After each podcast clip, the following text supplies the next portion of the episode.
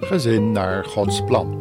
Een serie radio-overdenkingen over huwelijk en gezin van de stichting Adullam.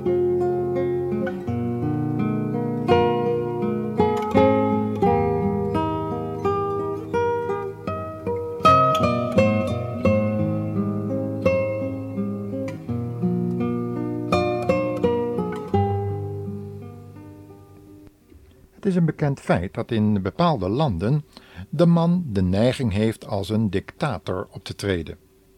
En als hij christen is, dan zal hij deze verkeerde eigenschap soms een bijbelse autoriteit toedenken. In het huwelijk van Manoa kunnen we zien, dat is uit Richteren 13, dat de man hier wel de leiding heeft, maar ruimte geeft aan het geestelijk leven van zijn vrouw en dus beslist niet als een dictator optreedt.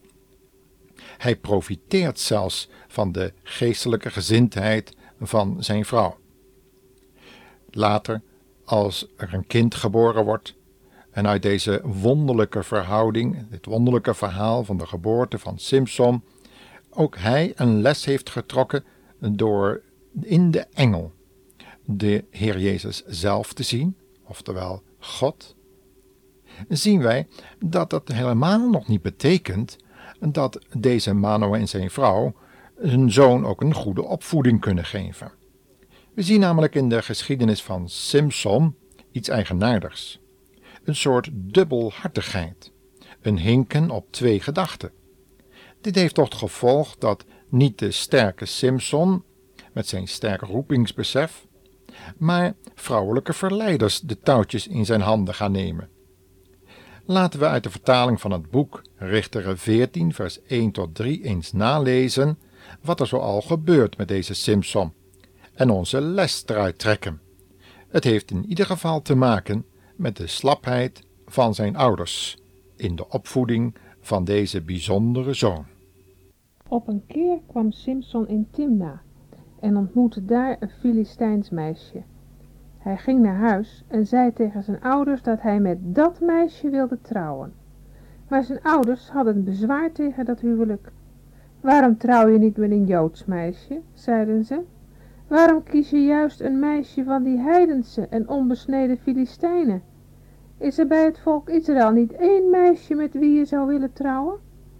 Maar Simson zei tegen zijn vader, ik wil niemand anders dan haar. Ga haar voor mij halen.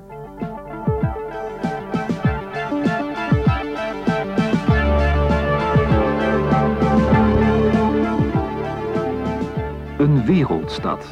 Honderdduizenden mensen. Ieder gaat zijn eigen weg. Linksaf of rechtsaf. Talloze beslissingen neemt de mens elke dag. Hij kiest tussen doen en niet doen. Ja en nee. Spreken en zwijgen.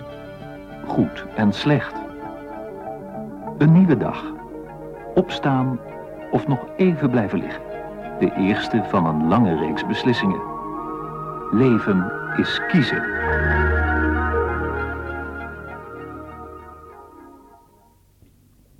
Ja, het leven is inderdaad steeds weer kiezen. Simpson koos echter verkeerd.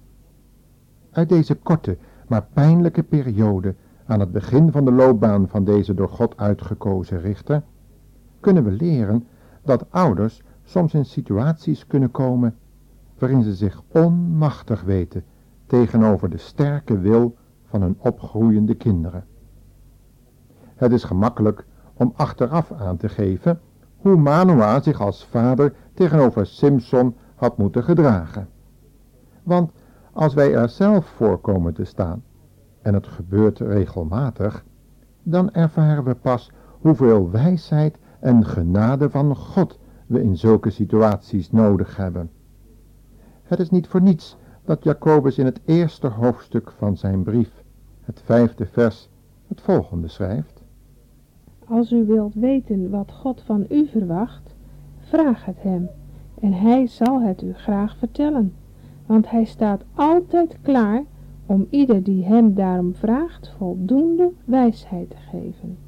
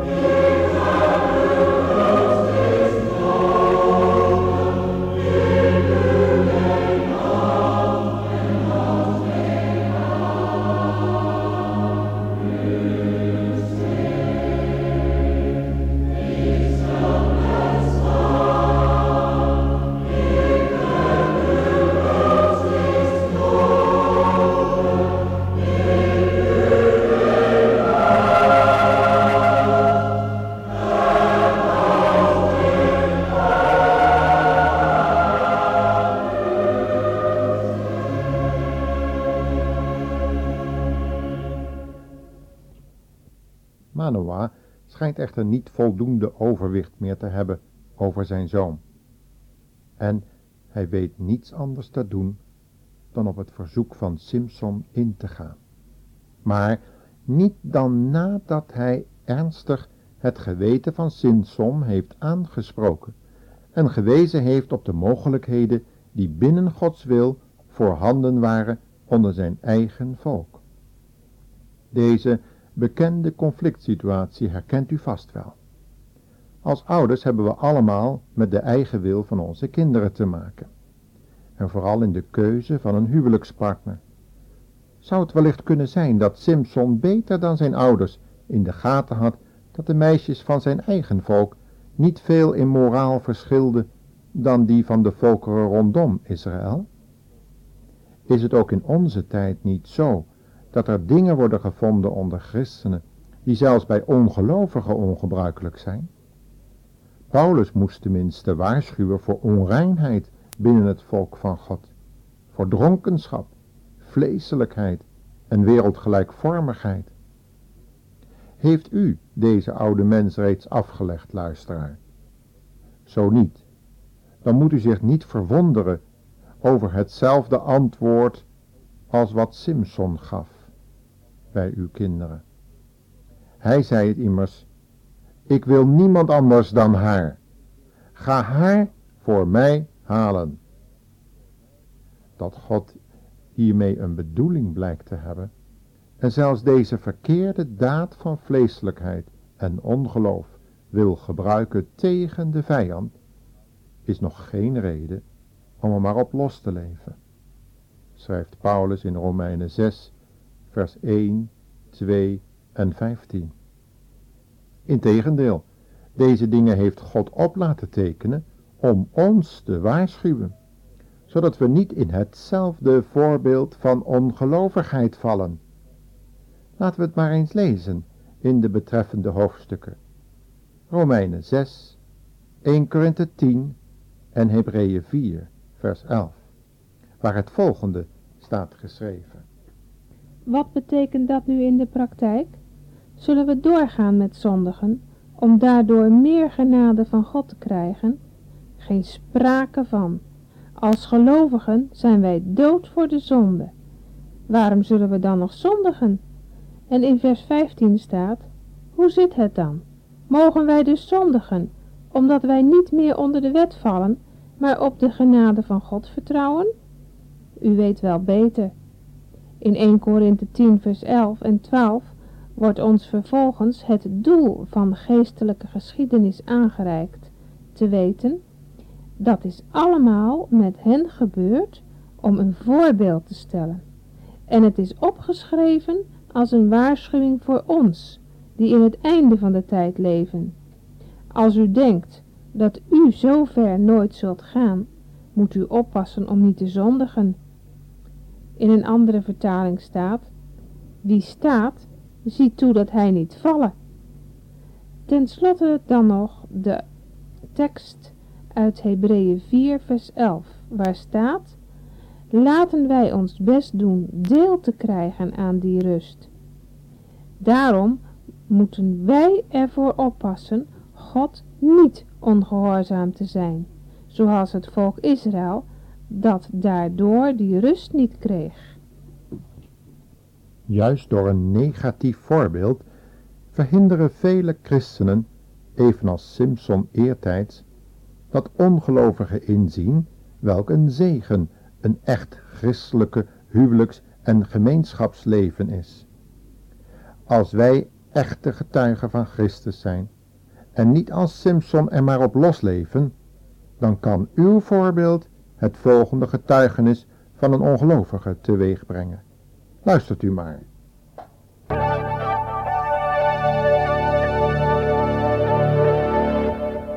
wist ik veel dat het daar christelijk was. Want ik was helemaal nooit met de Bijbel opgegroeid. Nou, en daar gingen ze me ineens vertellen, nou, uh, God bestaat. En uh, ik denk, nou, ik wacht het allemaal wel eventjes af. Dus ik heb dat een beetje aangekeken. En uh, nou, toen zei ik ook op het... Ik besefte wel van, nou, dat is echt God die me hier heeft gebracht. Want uh, ineens in een christelijk centrum en ik heb een uh, gebed uitgesproken.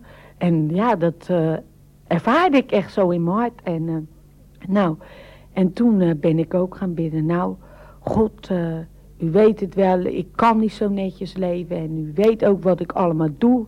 En u weet nog wat ik elke dag weer fouten maak. En ja, mensen uitscheld. U weet dat ik, ja, dat ik helemaal niet voor christelijke dingen houd. Maar toch wil ik wel door u genezen worden, want ik heb het toch wel nodig. En ja, ik zie heus nog wel wat hoop in mijn leven kapot is. En zo langzamerhand, nou, ben ik steeds gaan vragen van... Heere God, wilt u mij leren genieten? Nou, als je me nu ziet genieten, als ik nou naar de ijsbaan ga, nou, heb ik de grootste pret. En nou, vroeger kon ik dat niet zonder heroïne of zo. En ga ik nou iets leuks doen, nou, dan heb ik het gewoon hartstikke naar mijn zin. We hebben een zanggroepje gevormd om daarover te zingen. Geen professionele stemmen natuurlijk, maar we menen voor 100% wat we zingen. Jezus, uw liefde raakte mij aan.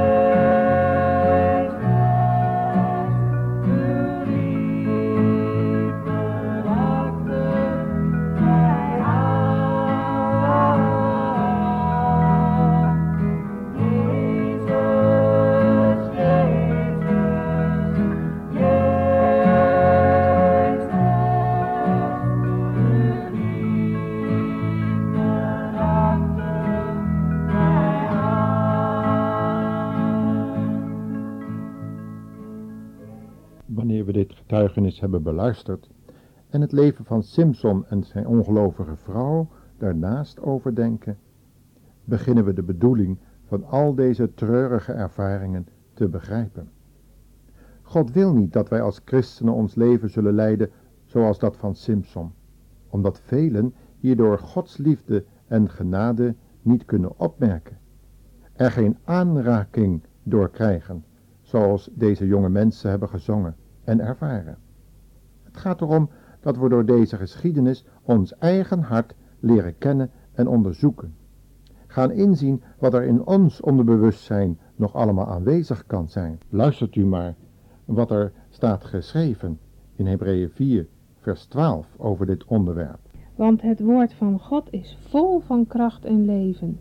Het is scherper dan het scherpste zwaard. Het dringt in één keer door tot onze diepste gedachten en verlangens en snijdt alle delen los. Het laat zien wie en wat we werkelijk zijn. God weet alles over iedereen. En hiermee willen we dan de uitzending weer beëindigen en u uitnodigen voor de volgende serie Gezin naar Gods plan.